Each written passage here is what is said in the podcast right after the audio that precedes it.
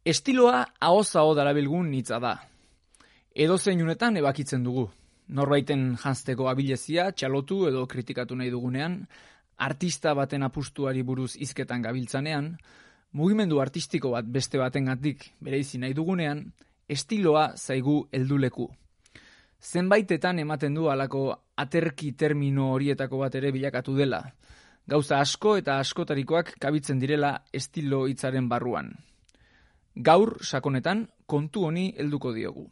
Zertaz ari gara estiloa aipatzean. Horretarako gonbidatu aproposaskoa daukagu alboan. Peio Agirre arte kritikaria. Orain gutxi, estilo, estetika bidei konsumo liburua argitaratu duena Turner argitaletxearekin. Ongi etorri. Aintzina!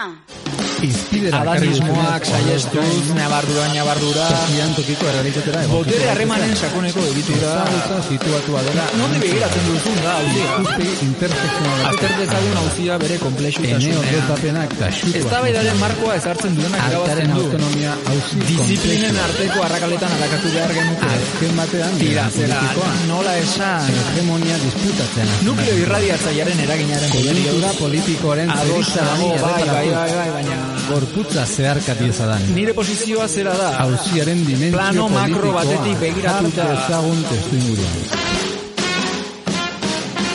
Sakoneta. Kultur monografia jasangarriak. Sakonetako parajeetan zaude entzule, hemengo malkar zabaletan kultur monografia jasangarriak eskaintzen dira pauso sosegatuz beti ere. Saio hau aitzakia bada gure irakurketak pixka bat ordenatzeko eta bide batez gure burua ere bai. Badakizue, saio hau eta basilika komunitatea osatzen duten gainontzekoak jarraitu nahi dituzue oso erraza daukazuela. Sartu sudurra www.basilika.eus webgunean ibili ara eta ona. Bosgarren saioa dugu hau eta belarririk zorrotzenek nabarituko zenutenez, ohiko soinuaz bestelakoa e, dakargu gaurkoan. Ez dira betiko mikrofonoak hauek, alegia ez gaude betiko grabazio tokian.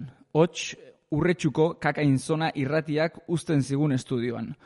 Nabaritzen hasita, honezkero nabarituko zenuen entzule, Jon Urzelairen ausentzia ere, haren boz timbre sarkorraren falta, haren erretorika biziaren mentxa.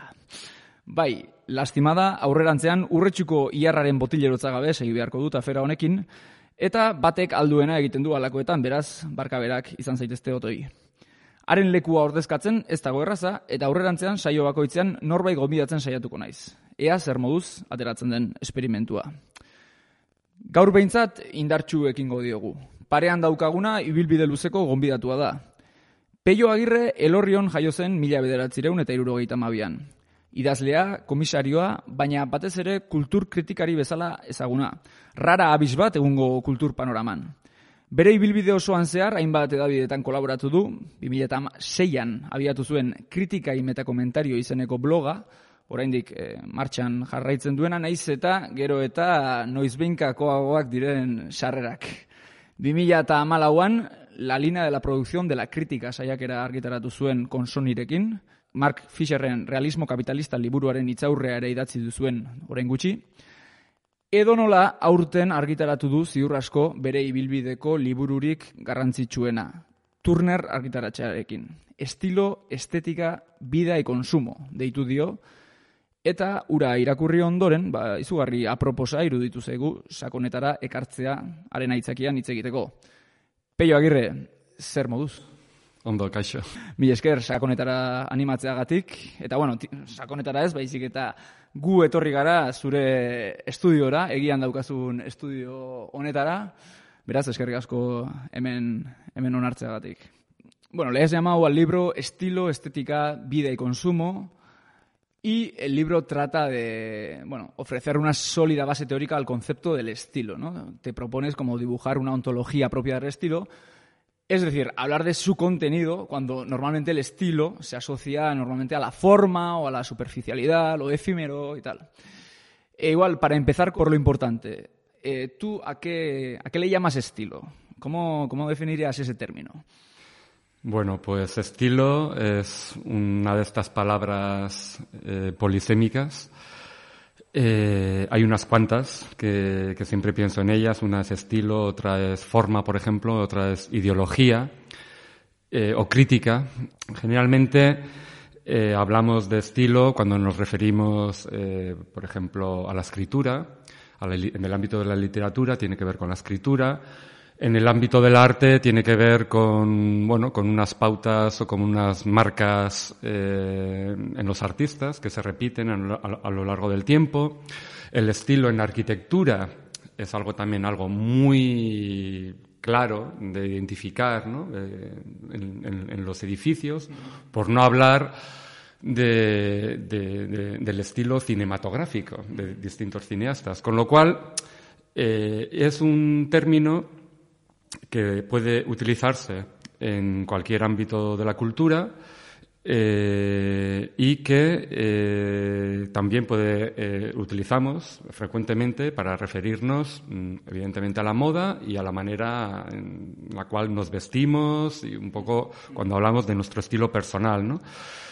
Eh, al mismo tiempo, has mencionado el término contenido y el tema forma. Diríamos que el estilo es la capa exterior o más cutánea de la forma, ¿no? Es decir, es aquello con lo que se recubre, ¿no? Eh, digamos, las producciones culturales, o es la, es la piel, o es, digamos, el, el- el aspecto como más retiniano de, de- de las obras, o de, de, eh, es decir, es aquello que tenemos la forma y el contenido, pero incluso en la forma es la capa exterior, ¿no? El término estilo es, eh, viene desde la antigüedad, incluso de los de- de las- desde la prehistoria, ¿no? Es un elemento definidor o que define, eh, digamos, las civilizaciones unas de otras, pero también, digamos, el paso de unas épocas a otras, ¿no? Es decir, eh, tiene un componente definitorio eh, de, de- de época.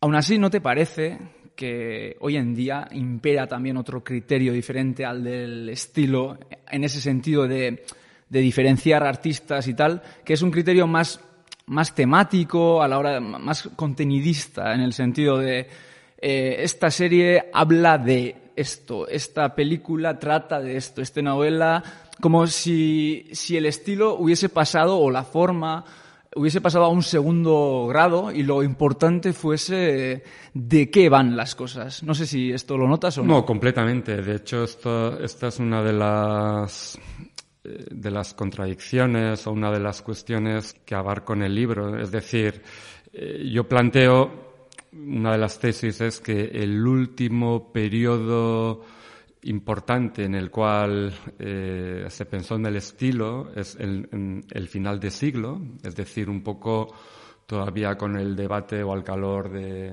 de- todo lo que vino a ser el posmodernismo, la posmodernidad. Eh, y una de las preguntas que me hago es eh, dónde ha quedado esta interrogación sobre el estilo en un, en un- en un mundo cada vez más estetizado. Y es cierto que eh, hoy en día eh, la producción cultural y sobre todo el consumo funciona a un nivel de, de- de- de temas que se exploran y no quiero decir que eh, digamos que el estilo sea el, el- el- hilo gobernante, digamos, en el consumo cultural, ¿no? Eh, Básicamente, bueno, estoy trazando eh, de- de preguntarme qué ha sido sobre ese debate sobre el estilo, eh, que como digo fue mm, muy importante en los años 80, en los años 90, pero que ha sido también muy importante en la historia de la modernidad. Pensamos en el ámbito de la moda o en el ámbito de la estetización de nuestros cuerpos o de, de la manera Sí, en la que... tatuajes, eh, ¿no? Tatuajes o cómo nos vestimos. El estilo es muy importante. El concepto de estilo en el libro al menos aparece muy ligado a la individualidad también, ¿no? Eh, es decir, eh, una búsqueda de autenticidad del individuo eh, a partir de, eso, ¿no? De- del estilo, ¿no? Pero en un momento del libro también te planteas ir un poco más allá, es decir, reivindicar una ética de consumo, ¿no? A partir del estilo.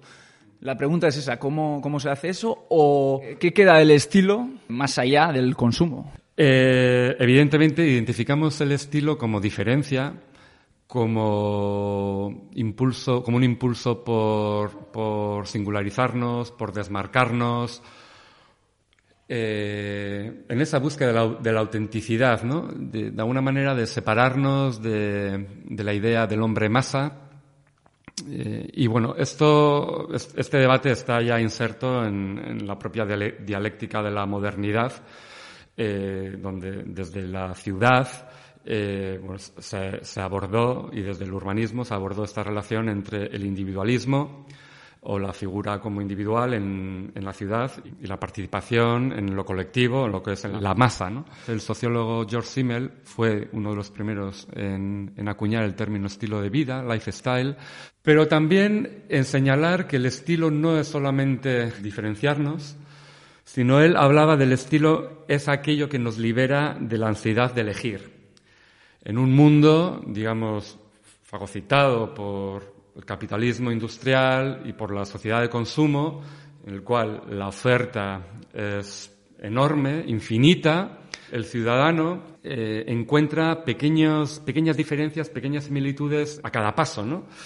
Eso genera una especie de, bueno, de excitación y de nerviosa, pero también, bueno, la posibilidad de, de no abarcar todo, ¿no? Entonces él dice que el estilo es aquello que nos libera de, la ansiedad de elegir, es decir, elegimos un estilo porque eligiendo ese si- estilo un pack, ¿no? un pack que puede ser un estilo de vestimenta o eh, es decir nos integramos en la masa no es decir utilizamos el- el estilo como máscara también. Porque evidentemente hay momentos en los que deseamos señalarnos y de hecho nos vestimos no solo por cuestión de protocolo sino nos vestimos eh, utilizamos ciertos códigos en ocasión de la, de- del evento o de la situación en particular pero necesitamos también esos momentos de generalidad. De generalidad. Y esto se ve muy claro en, por ejemplo, en mucha gente pues que tiene un, un tipo de ropa para ir a trabajar y el tipo de ropa para salir de juerga, ¿no? Entonces tenemos muy claramente esta- establecidos esos códigos Sí, de, y todas las tribus urbanas también, ¿no? O sea, aunque hoy en día se haya sofisticado eso también, ¿no? Sí, el tema de las tribus urbanas es muy interesante. De- no quieres formar parte de- del mainstream o de la cultura de masas eh, más general o más trillado comercialmente y entonces buscas esa subcultura, eh, digamos, minoritaria, pero que en sí misma eh, conforma un espacio enorme, porque es global. Es decir, las subculturas, el punk es global. El punk se estaba dando al mismo tiempo, pues empezó en Londres, pero el punk es un fenómeno global y además que ha funcionado, eh, digamos, que sigue operando todavía hoy en día, ¿no? Entonces, mi libro tiene que ver con esa construcción subjetiva. Los adolescentes empiezan un poco a rechazar la cultura de sus padres o empiezan a rechazar, digamos, los valores que les vienen dados como desde, de los, desde los estamentos, bueno, pues eh, sea escuela o familia o lo que sea. Y en la adolescencia, a partir de un consumo eh, inicial, uno va generando como su propia, o va empezando a sentar las bases de su, de su propia construcción de subjetividad, a partir de la música, a partir de la actitud, a partir de la vestimenta, etcétera, ¿no? Entonces, bueno, esta, esta relación dialéctica entre individualismo y colectividad, o entre eh, singularidad y generalidad entre lo particular y lo universal eh, está operando todo el rato todo el rato en el libro ¿no? Eh, y, y surgen pues contradicciones y, y- y situaciones muy muy interesantes ¿no? Sí, hay, creo recordar que en un momento dices algo así como, eh, antes nacíamos dentro de una masa y necesitábamos buscar nuestra individualidad, ahora, Ya. ahora en cambio nacemos individuales y necesitamos es. buscar el colectivo, ¿no? Eso Eso- es, eso es, porque de alguna manera las redes de, eh, de, de- de afiliación, las subculturas, eh, completamente comercializadas, porque bueno, esto ya desde el punk eh, ha sido siempre así, o sea, se han comercializado en el, en el in- instante uno, ¿no? Evidentemente, digamos, la cultura neoliberal o la cultura del capitalismo ha sido una cultura de- del individualismo a ultranza, eh, sobre todo en el ámbito de lo económico, pero digamos que en el ámbito de lo cultural hace falta o es necesario generar esas redes, ¿no? Eh, porque siempre consumimos en relación a un otro, ¿no? Para, bueno, digamos que imagin- im- im- imaginariamente estamos pensando en el otro, ¿no? Desde un ámbito, eh, bueno, de lo subcultural, pero si no es de lo subcultural, desde los hábitos, ¿no? Eh, desde el punto de vista de, bueno, pues, eh, que consumimos cuando vamos de compras, cuando estamos en casa o hasta cuando vamos de, vacaciones, ¿no? Especialmente en los 90, eh, tú personalmente, ¿cómo te das cuenta de, que de repente el concepto, el término de estilo está emergiendo y está... Se, se- se dice mucho, se, se lee mucho. eh, ¿cómo- ¿Qué te llama la atención en ese momento? Sí. Bueno, yo tengo que decir que, bueno, por, por background familiar, mm, yo no he tenido ninguna relación, por ejemplo, con el ámbito de la moda. Cero. Digamos que mi, mi, mi, mi adolescencia en los años 80, pues eh, el los referentes más claros pues eran eh, el punk a través del rock radical vasco o el, o el ¿Ah, sí, mode- eh? sí, sí, sí. O, o el heavy, ¿no? Que eran los dos modelos antagónicos No te imaginaba. Yo con- Sí, sí, sí, sí, sí, completamente. Y, y eso fueron en los años 80, ¿no? Sí es cierto que luego ya en, en los años, en el año 90, bueno, yo voy a dar un dato autobiográfico, pues escuché eh, Stone Roses y entonces ya me convertí, ya me conver- ya me pasé al pop, ¿no? Ya me, ya me pasé al pop y luego a la música electrónica, que es realmente el ámbito que tra- trabajo en el libro. Eh, y es la música que más me ha marcado, pues desde que entré en la Facultad de Bellas Artes a principios de los años 90 hasta ahora y sigo en ello, ¿no? Entonces sí es cierto que, bueno, pues estando en la Facultad de Bellas Artes en los años 90 y en los años posteriores, de alguna manera la cultura de la posmodernidad a partir de, de la MTV o de los videoclips, eh, había permeado mucho en, las artes eh, plásticas y en las artes visuales, ¿no? Y eh, era entonces cuando, digamos, aquellas revistas que empezaron en los años 80 en, en Londres, pues se convirtieron en más conocidas, incluso en España, incluso pues en nuestro entorno más cercano empezaron a haber clones de revistas, pues como son The Face o ID, que fueron revistas que de alguna manera, bueno, me marcaron o que marcaron un poco la cultura de los años 90, el calor de la música electrónica eh, y, y de la cultura dance en Barcelona. También surgieron revistas gratuitas donde se abordaba un poquito de todo, ¿no? Se abordaba música, pero se abordaba también moda, fotografía de moda, lo que vino a llamarse el street style. Incluso hubo fotógrafos, artistas como Volman Tillmans, muy importantes, que bueno, se hicieron muy famosos a raíz de, pues, de, de publicar en estas revistas. Entonces era un momento eh, de, de confluencia, ¿no? que es uno de, de los rasgos de lo posmoderno eh, y, y también de la industria cultural. Es decir, estas relaciones entre arte moda, por ejemplo, ¿no? Es decir, eh, y esta idea de que el arte pues no, es, no era solamente pintura, escultura, sino que estaba abriendo al canibalismo y a la, a- a- a la apropiación, es un término muy importante, el apropiacionismo Ajá. de, de otras áreas eh, comerciales, ¿no? Y tú, especialmente en el libro, hablas de artes aplicadas también, Sí. ¿no? En ese sentido, arquitectura, bueno, moda... eh, diseño, sobre todo, sí. son las artes aplicadas las que, en las que me centro. ¿Por qué? Porque es en ellas donde la idea de estilo eh, casi puede verse plasmado de una manera como más más clara, ¿no? Más manifiesta, ¿no? George Simmel, el sociólogo, bueno, fundador de la sociología moderna y uno de los sociólogos de la modernidad, habla de los interiores domésticos y cómo pues la gente pues a principios del siglo XX pues eh, decoraba sus casas y sus dormitorios y sus comedores y tal, ¿no? Que efectivamente el estilo eh, lo han generado los grandes eh, artistas o maestros, es decir, aquellos que han generado formas tan radicalmente nuevas que han supuesto, bueno, una especie de paradigma o pues estamos hablando de los grandes artistas de la historia del arte que si nos remontamos al Renacimiento pues pueden ser Miguel Ángel o posteriormente. Pero luego, para que ese estilo generado por estos artistas perviva, eh, necesita socializarse, necesita reproducirse, necesita eh, repetirse, y que es la manera en la cual, digamos, las escuelas artísticas y la misma idea de escuela artística eh, ha funcionado como, no voy a decir osificando esos estilos, pero sí partiendo de un estilo, digamos, superior o maestro, pues generando, eh, bueno, pues sus clones o generando sus réplicas y generando, pues, una relación entre maestro y discípulo, ¿no? Eh, que es básicamente la manera en la que las escuelas eh, funcionaban antiguamente. ¿no?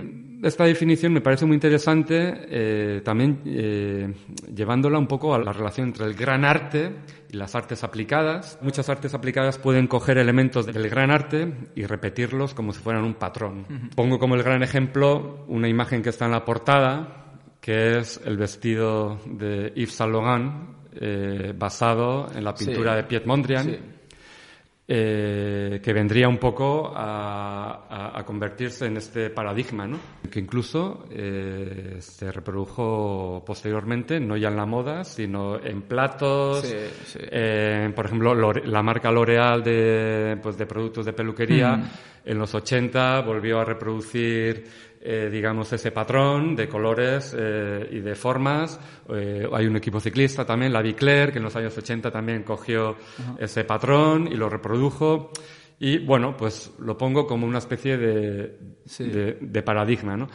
Pero es un poco en relación a, a esta cuestión de de que son las artes aplicadas como, bueno, por no hablar de la arquitectura, como el lugar donde las grandes ideas se plasman en el ámbito de lo cotidiano, en el ámbito de lo reproductible y, claro, en el ámbito de la reproducción y de la industria. Antes has mencionado la idea de industria cultural, que es de Adorno y Holheimer. Eh, un término de 1944, ¿no?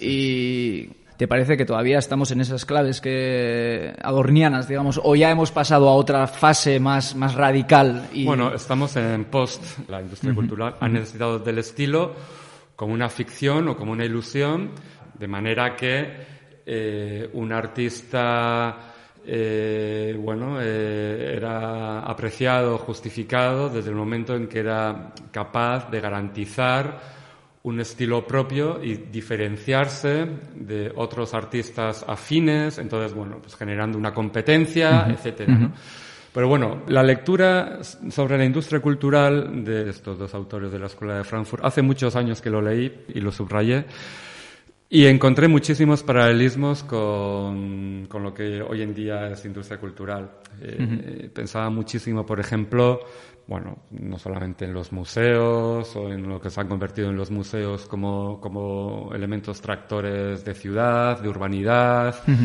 eh, que incorporan, bueno, pues eh, capital público, evidentemente, pero también capital privado de, de, bancos, bueno. Eh, pero, por ejemplo, todo el tema de los festivales que están en boga, estamos en verano, los festivales de música, los festivales de cine, ¿no? Eh, bueno, hay ahí es una categoría que se ha radicalizado, se utiliza también como el término industria cultural de una manera como ya muy genérica, pero bueno, no está más no está de más volver como a, leer Adorno o Heine, ¿no?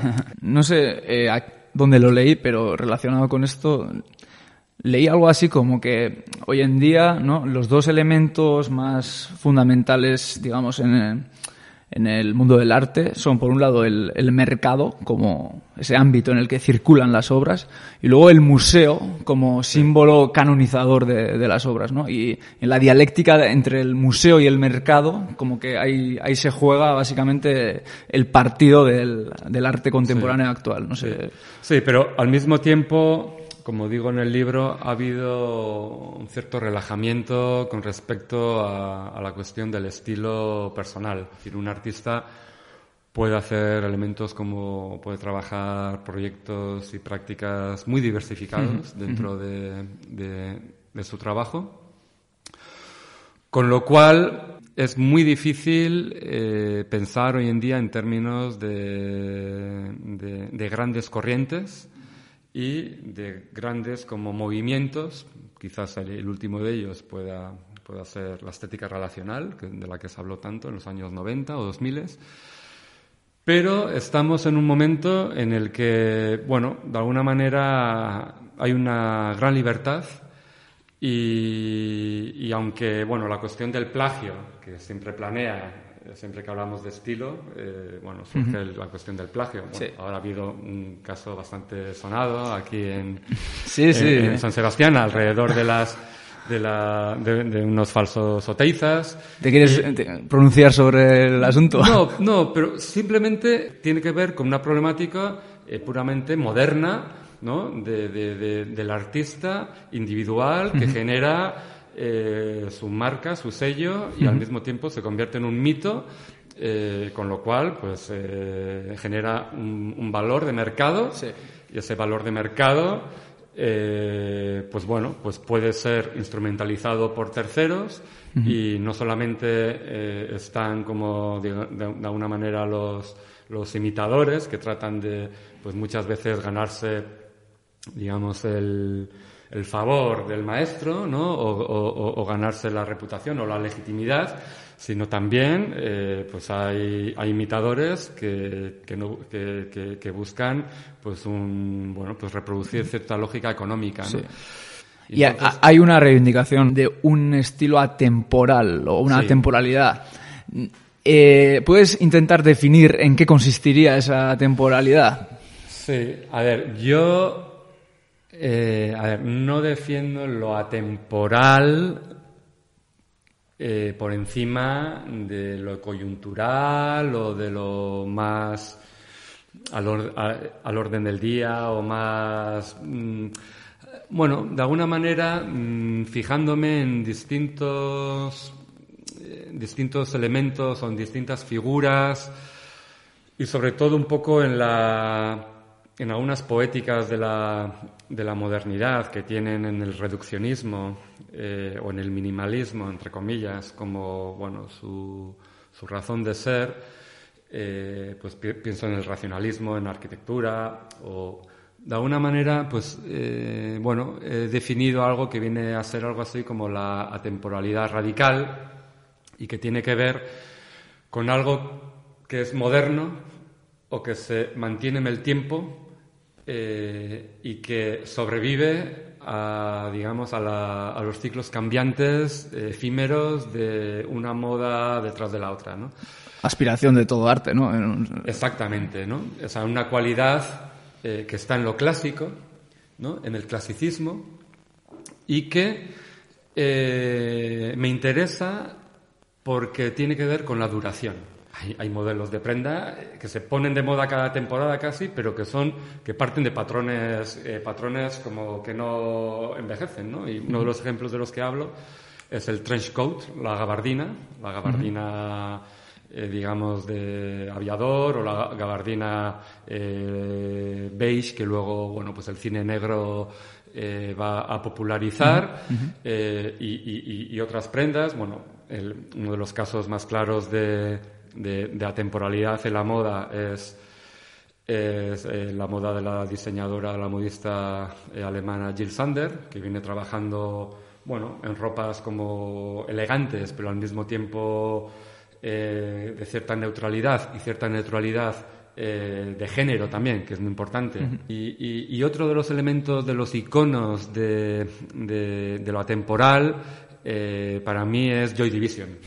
Eh, no solamente, o sea, la música de Joy Division, la estética de, de- de- Incluso de de Ian Curtis, ¿no? De Ian Curtis, pero también todo el trabajo de Peter Saville, del diseñador de las portadas de Joy Division y, y- y- y- de New Order, porque consigue algo muy, muy, muy contradictorio, ¿no? Él es un postmoderno radical, un apropiacionista, un eh, ladrón, digamos, de ideas, que por un lado se centra en, el- en lo neoclásico y lo reproduce, eh, por ejemplo, en la portada de Closer o en muchísimas, en el uso de las tipografías, cherifadas, eh, etcétera.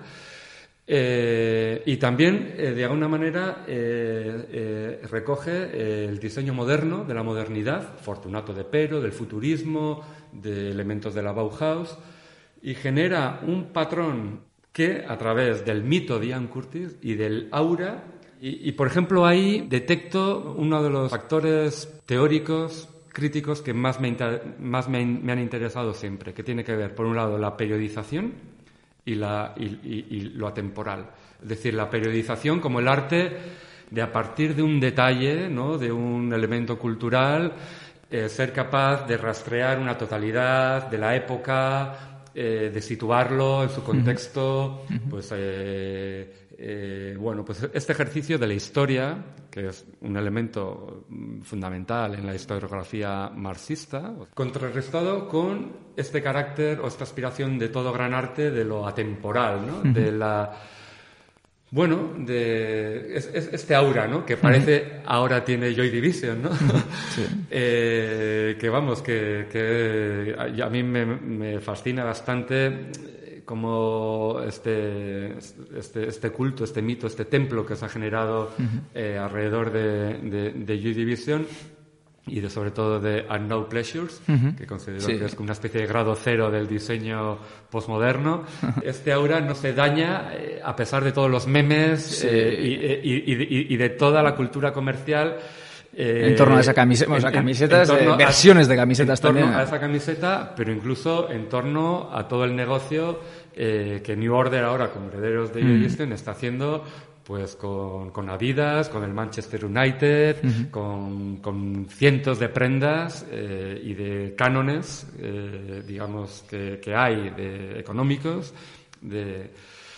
Entonces, bueno, alguno me ha podido o ha, ha- podido pensar que lo que yo defiendo es, eh, con esta cuestión de la temporalidad, como una vuelta al grado cero, como un despojarnos de Del or- adornos, sí, del ornamento, del ¿no? ornamento, eh, ¿no? Como una vuelta al minimalismo eh, y tampoco la austeridad ha sido completamente eh, domesticado y completamente no solamente en los interiores, eh, digamos, domésticos, sino una idea, como Bueno, falsa idea, como de la- vida minimalista. Maricondo y estas cosas, dices. o sea, Bueno, Maricondo, evi- evidentemente Maricondo, pero también en Estados Unidos una especie, eh, se ha convertido en una especie de dogma eh, eh, basado en el decrecimiento, eh, con un discurso ultra, ultra neoliberal. Hay, hay todo un aparato eh, psíquico y físico eh, que pasa por el yoga y que pasa por cierta idea minimalista, que, austera, austera, que ya está en, en, en Apple. O sea, que está en Apple y está de alguna manera en, en, este, en esta mentalidad casi como eh, titánica, pero estoica del propio Steve Jobs, una austeridad capitalista o algo así. ¿no? Sí, sí, sí, sí. Por no hablar del menos es más, del, del famoso eslogan de Mies, etcétera, ¿no?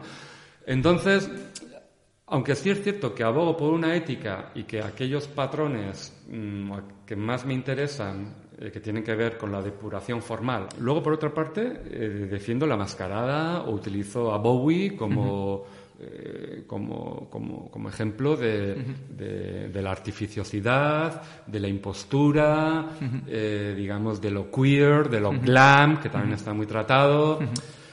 Es decir, y es lo que me interesa, es no dar una receta de cómo debe vivir la gente. Pero siempre pensando en una lógica de consumo que sea ética. Y que, y entonces por eso, por ejemplo, me interesa mucho el fenómeno, o sea, el- uno de los casos que estudio es el de Sweat, el de Brett Anderson, que es una figura, pues como, bueno, eh, pues muy influenciada sobre todo por, por Morrissey y por Bowie, ¿no? Es una figura como glam en los años 90, pero que viene de una clase, de una clase obrera o una, y de una familia desestructurada, bueno, así lo narra él en, en- en sus libros, ¿no? En su autobiografía, que es excelente desde todo el punto de vista.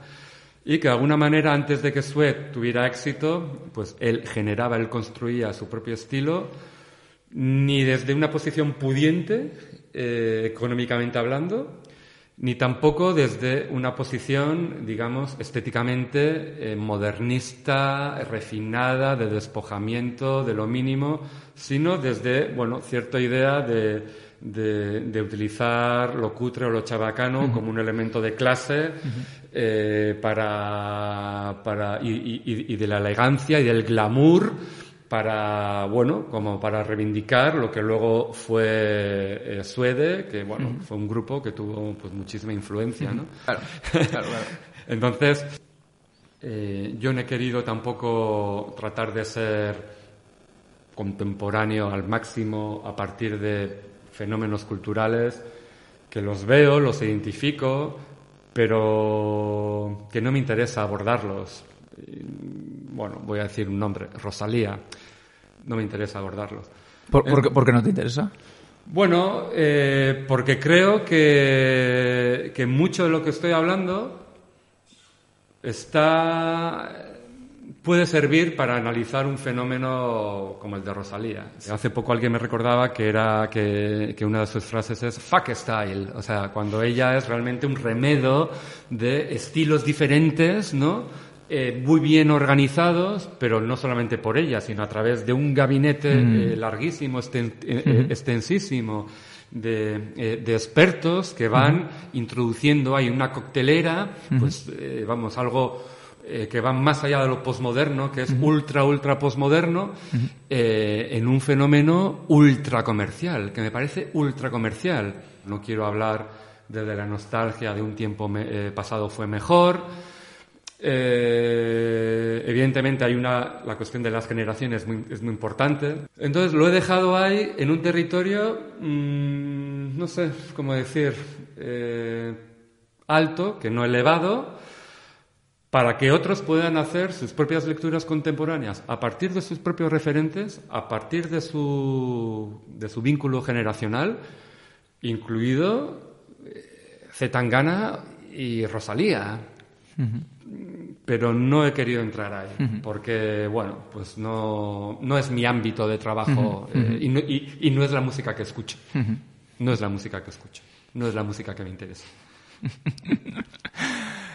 ¿Tú te sitúas dentro de la crítica de arte marxista? Es decir, dentro de esa corriente. sí bueno más que crítica de arte mar- marxista digamos que mi background es mixto es muy o mi bagaje es muy amplio pero por ejemplo sí me he fijado mucho en, en la crítica literaria marxista ¿Autores como? autores como principalmente eh, vinculados a la escuela de Frankfurt, pues eh, todos, desde Adorno a, a Benjamin y posteriormente pues Marcuse y luego pues de una segunda ola pues sobre todo Freddy Jameson. Es un libro muy Jamesoniano. Bueno toda la gente que me conoce sabe que yo soy muy Jamesoniano muy Jamesoniano aunque eh, he tratado de que no esté demasiado presente o no de manera muy obvia. Pero sí Terry Eagleton o Perry Anderson etcétera ¿no? Incluso el mismo Mark Fisher también. O- incluso el propio Mark Fisher, ¿no? Eh, con quien bueno mantuve correspondencia y bueno pude trabajar un poco a partir de su trabajo, ¿no? Eh, es la corriente que me interesa y, y, y de alguna manera pues yo me bueno pues me, me- me reivindico en una posición eh, de- de izquierdas pero tengo que decir que, eh, digamos, eh, lo estético siempre pesa más que lo político en, en este libro y en todos mis acercamientos. Es decir, yo parto siempre... Alguien te dirá que lo estético y lo político Sí, tampoco claro. se pueden disociar tan No, no, claramente. no, es, es que, es que no están disociados. Pero, por ejemplo, para un lector de teoría política o que quiere leer sobre la clase social, este libro, pues posiblemente es demasiado estético. Eh, por otra parte, la gente que se acerca a este libro desde, por ejemplo, la moda, puede pensar que es un libro muy crítico con la moda y que es un libro, un, un- un libro muy radical, un libro muy de izquierdas, porque hay una posición de clase. Eh, entonces, bueno, eh, puedo llegar a ambos públicos, ¿no? O o ambos lectores, que es eh, la intención, pero también me pueden rechazar eh, lectores de, de un lugar y de otro, ¿no? Entonces, es, es un poco el riesgo, ¿no? Pero sí es cierto que eh, mi bagaje, de alguna manera, en primer lugar, parte del arte. Y en el arte, o de la historicidad del arte, pues en el contexto en el que nos encontramos, es muy rica y parte pues de bueno pues del siglo XX pues desde el grupo Gaur no voy a mencionar a los artistas a, luego pues artistas pues eh, más recientes que para mí pues han sido muy importantes pues Oteiza o, Chi, o, o, o Chillida Basterrechea o, el propio Chomín Badiola eh, que ha sido alguien que ha trabajado mucho y de una manera muy interesante sobre esta cuestión de lo posmoderno y del, y del posmodernismo ¿no? Eh, entonces, de alguna manera, mi pensamiento se ha ido politizando a través de mi compromiso con el arte. Y creo que esto, esto, es algo también que está muy presente en toda la vanguardia vasca y en generaciones también de mi quinta o de... ¿Y hoy en día cómo es la presencia de, de esta corriente marxista dentro del arte actual? Hay una corriente eh, discursiva, filosófica, bueno, desde hay, hay, hay, muchas diferencias desde los años 90, es decir, hay el, arte se ha intelectualizado mucho y la filosofía, el pensamiento y la teoría crítica mm, cada vez tiene más peso, ¿no?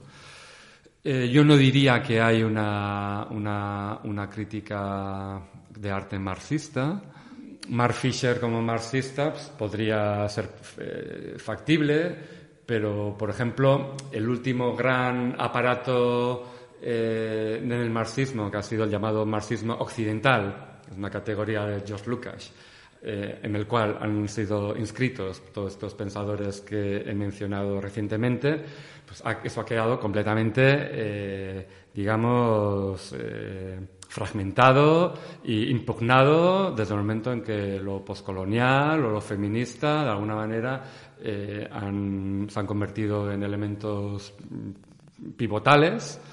Eh, entonces, incluso el término marxista es como que tiene que quitarse encima como cierto, cierta capa vinculado con, con lo masculino, con, con lo patriarcal. Sin embargo, yo, mm, digamos que la tradición que más me ha alimentado y, me sigue alimentando es la tradición marxista o la crítica del, de la, del marxismo occidental. Evidentemente, eh, bueno, pues eh, en, en, este libro hay, hay otros factores de sociología, hay factores de la cultura de masas, de lo pop, del feminismo, eh, bueno, creo que es un libro que también mm, permite lecturas de, de, género. Antes hablaba de la temporalidad, pero otro, otro de los términos que, que, me interesa en relación al estilo es el de eh, lo epiceno, o sea, cuando un término sirve para definir ambos géneros, masculino y femenino.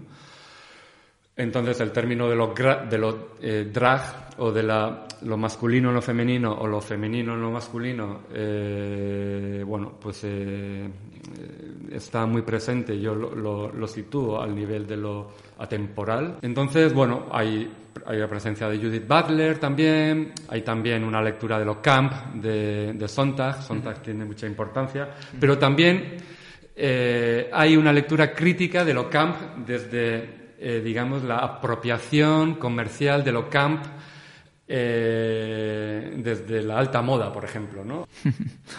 Muy bien, pues es que ricasco, peio. Que ricasco. Eta, bueno, gure aldetik besterik ez, entzule, e, bakizue, bakarrik esan, irakurri ditugula Juan Luis Zabalaren eta Xavier Mendigurenen liburuak, ikusi ditugula hango aitz zorrotzen irudiak, kontatu dizkigutela aitzarte aietako gertakizun ilunak ere, baina gu egiaz, ni egiaz esan beharko dut, hemendik aurrera, ez naizela inoiz izan sakonetan. Honezkero bazen ekiten, baina bada ez ere esan da geratzen da. Ondo ibili udan eta laster arte.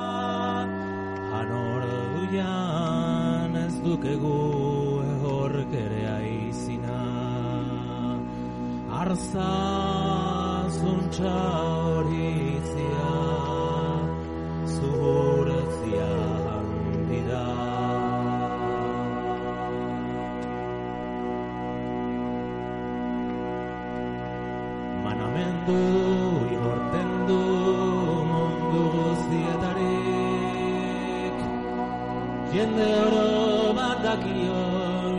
Father will do it.